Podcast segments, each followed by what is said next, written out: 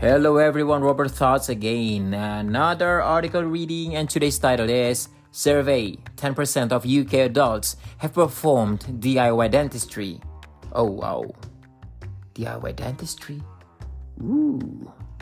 Pulling out teeth and making their own dentures. These are some of the things UK adults have done to themselves as the country's dentist crisis continues.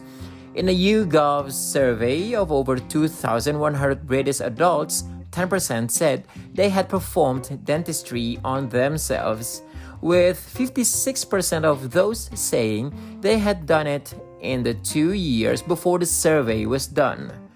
Pulling out a tooth was found to be the most common type of DIY dental care, with 34% saying they'd done this on themselves or tried.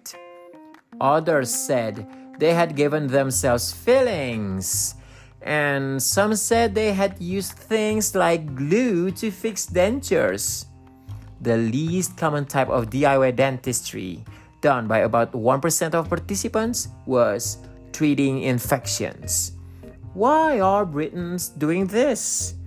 20% said it was because they couldn't get a dental appointment in time, with many adding they didn't think they would be able to get a timely appointment even in an emergency.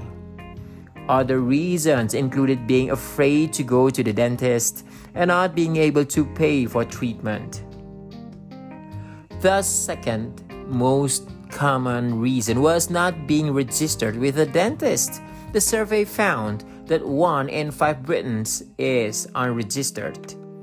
Over a third said they're unregistered because they can't find a dentist from the National Health Service NHS who is accepting new patients.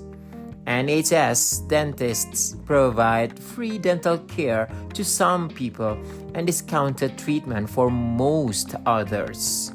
In August 2022, a BBC report found that 90% of NHS dentists in the country aren't accepting new patients. About 1%, oh, sorry, about 1 person in 7 uses a private dentist, but many cannot afford one. That's all, everyone. Thank you for listening. I'll see you again. Goodbye.